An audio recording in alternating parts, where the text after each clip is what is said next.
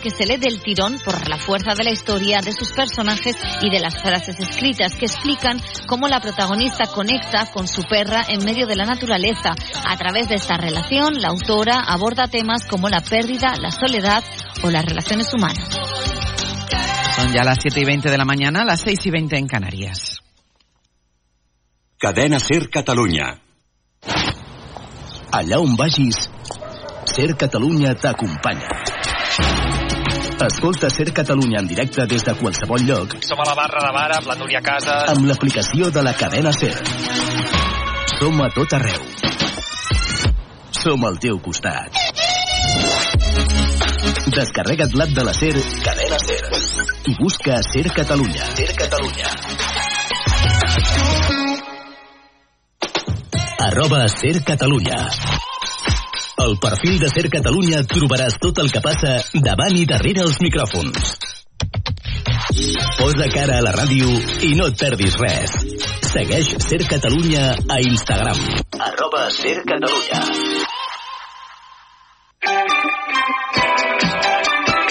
Ser Catalunya. La força de la conversa.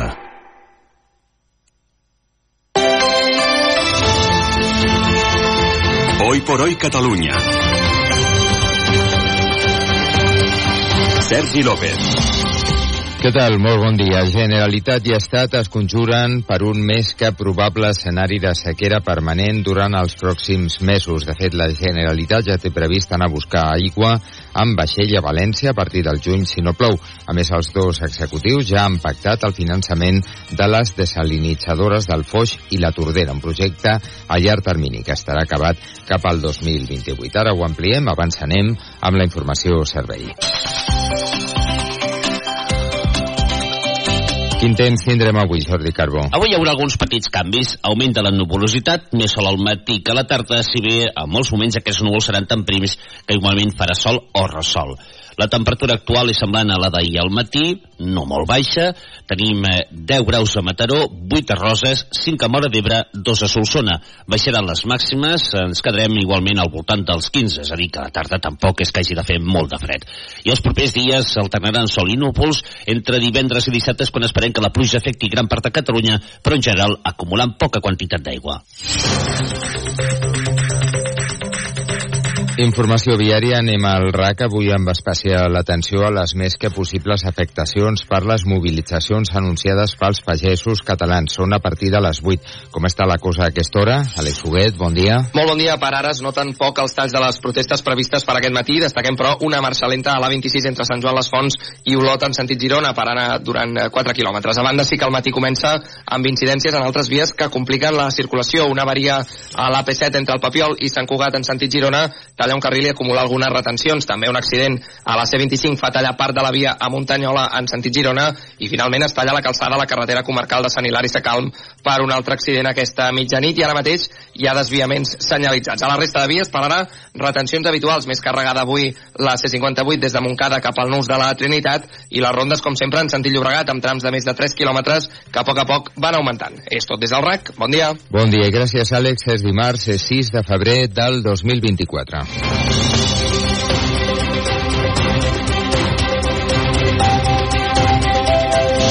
A partir del mes de juny, la Generalitat anirà a buscar aigua amb vaixell a Sagunt, a València, si és que no plou abans. És el que han pactat l'Estat i la Generalitat, que repartiran a mitges el cost. L'Estat assumirà la desalinització de l'aigua i la Generalitat el transport amb vaixells. Laura Pons. Sí, l'Estat pagarà el cost de desalinitzar l'aigua de Sagunt, una instal·lació que té una capacitat de produir 20.000 metres cúbics d'aigua al dia, és la ministra Teresa Rivera. Poner a disposició de la Generalitat el volumen de agua que se generaría en la desaladora de Sagunto. Mentre que la Generalitat assumirà el cost dels vaixells i la capacitat de recepció d'aquesta aigua al port de Barcelona. I anirem fins a Sagunt o fins on calgui a buscar aigua. És David Mascor, conseller d'Acció Climàtica, qui contempla haver d'anar a buscar més aigua a altres instal·lacions a banda de la de Sagunt. Sempre parlem de dos vaixells i per tant el més normal seria que si es dona el cas que necessitem això, nosaltres hàgim d'anar a buscar aigua a dos llocs i no a un. Vaixells que en tot cas encara estan buscant, tot i que els tindran asseguren preparats a principis de juny, que és quan es preveuen que siguin necessaris. I què passarà quan els vaixells carregats d'aigua arribin al port, Laura? Doncs s'ha de descarregar cap a la xarxa d'aigües de Barcelona mitjançant un dipòsit i una estació de bombament. Ara mateix al Port de Barcelona hi ha una instal·lació que permet descarregar com a màxim 10.000 metres cúbics al dia, però amb la nova infraestructura que es vol fer abans de l'estiu es podria augmentar fins a 40.000 metres cúbics al dia, segons expliquen a Ser Catalunya, fons coneixedores del projecte. Aquestes obres les faria el port amb diners de l'Agència Catalana de l'Aigua. Gràcies, Laura. Carles Cousó, bon dia. Hola, bon dia, Sergi. Estat i Generalitat també han pactat el finançament de les desalinitzadores del Foix i la Tordera, unes instal·lacions que tindran un cost total de 500 milions d'euros i que estaran a punt entre el 2028 i el 2029. Rivera i Mascort han fixat l'horitzó de les dues desalinitzadores, la de Blanes i la de Cunit, plantes que es podran fer servir d'aquí a 4 i 5 anys respectivament. La ministra Teresa Rivera concretava la seva producció. Que tengan la capacidad de poner a disposición un volumen de agua desalada de 60 hectómetros cúbicos en el caso de Tordera 2, de 20 hectómetros cúbicos en el caso de, de Foix. Serà el Ministeri qui avançarà el cost de les obres, qui les finançarà a través de fons europeus, 500 milions d'euros en total, uns diners que al pas dels anys es tornaran amb la factura de l'aigua. L'actualitat d'avui estarà molt marcada per les protestes que els pagesos engeguen aquest matí. Una jornada de mobilitzacions contra els costos de producció, la burocràcia, la competència exterior i ara també en contra de les restriccions per la sequera extrema que pateix Catalunya. Tallaran diverses carreteres arreu del territori. Està previst que més d'un miler de tractors tallin l'autovia A2. També han anunciat bloquejos a la Nacional 260, a la Seu d'Urgell, a l'AP7, a les Terres de l'Ebre, a la C14, a Montblanc, a Girona i al Bages. Des de la Unió de Pagesos adverteixen que més carreteres podrien quedar afectades, però no concreten quines. Els pagesos catalans se sumen així a l'onada de protestes del sector agrícola que fa dies que s'escampa per Europa. I a cavall entre la política i els tribunals. El jutge García Castellón, que investiga la causa del tsunami democràtic, ha demanat a la Guàrdia Civil que localitzi el diputat d'Esquerra, Rubén Wagensberg, que la setmana passada, us ho explicàvem, va fer-se públic que se n'havia anat temporalment a Suïssa davant les acusacions de terrorisme que aquest jutge estava preparant. Una ordre de Xavier Avelló que coincideix amb la petició que li fa la Fiscalia perquè deixi d'atribuir terrorisme a Tsunami i a Carles Puigdemont. El jutge demana que es comprovi que Wagensberg no és a Catalunya i que en cas que es confirmi que ha marxat, ampliar la comissió rogatòria que ja hi ha traslladada a Suïssa per localitzar Marta Rovira per reclamar que també facin el mateix amb Wagensberg. García Castellón també aprofita l'escrit per insistir en la investigació per terrorisme en la causa del tsunami, afirmant que des del 2019 hi troba indicis, tot plegat en paral·lel als moviments de la Fiscalia que suposa a l'actuació del jutge negant que hi hagi terrorisme i retraient a García Castellón que acusi a Puigdemont amb indicis massa oberts. I de la, de la plana econòmica, la família Grífols abandona la direcció de la farmacèutica. Sí, l'objectiu és separar la gestió i la propietat de l'empresa després de l'escàndol provocat per l'informe presentat pel fons Gotham Research que acusava la catalana de falsejar els comptes per amagar el deute. Marina Segura. Ara Grifols ha decidit nomenar nou conseller delegat Nacho Avia, procedent del grup japonès Olympus, que ostentarà el càrrec a partir de l'1 d'abril.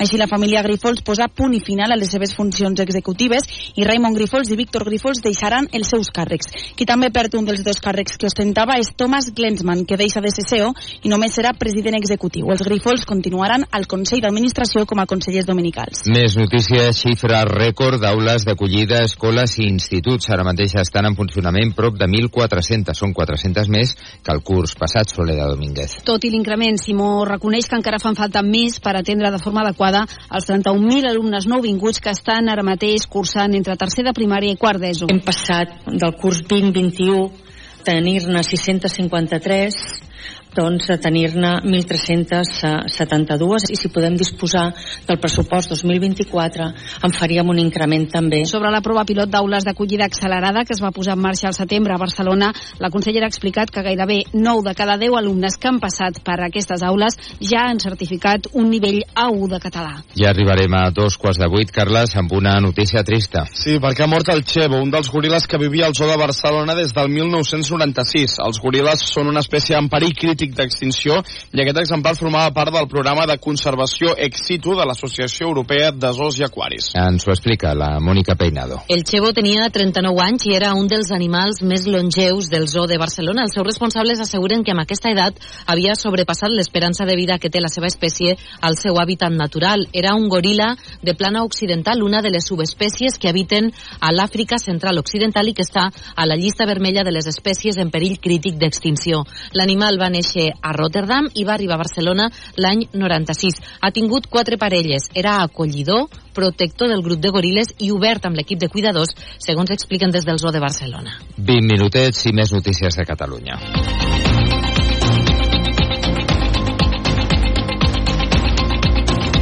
Son las siete y media, las seis y media en Canarias. Hoy por hoy, con Ángeles Barceló.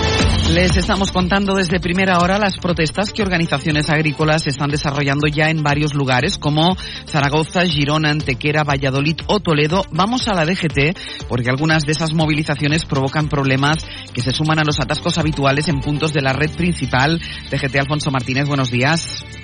Buenos días, Ángeles. Pues en este momento, efectivamente, las movilizaciones agrícolas están eh, complicando la conducción y a esta hora en Granada está cortada la 92 en Huetor Tajar y condiciona la circulación en Sevilla en la 4 en Écija en ambos sentidos, también en Murcia en la 30, en Lo Jurado, en Zaragoza en la 2, en Caltorau y en Girona en la Nacional 260 en Valdeviaña hacia Girona. Así que desde la Dirección General de Tráfico les recomendamos que se mantengan informados antes de salir a la carretera en los canales habituales de la DGT. Iremos siguiendo el efecto de las protestas a lo largo del día. Hace hoy 10 años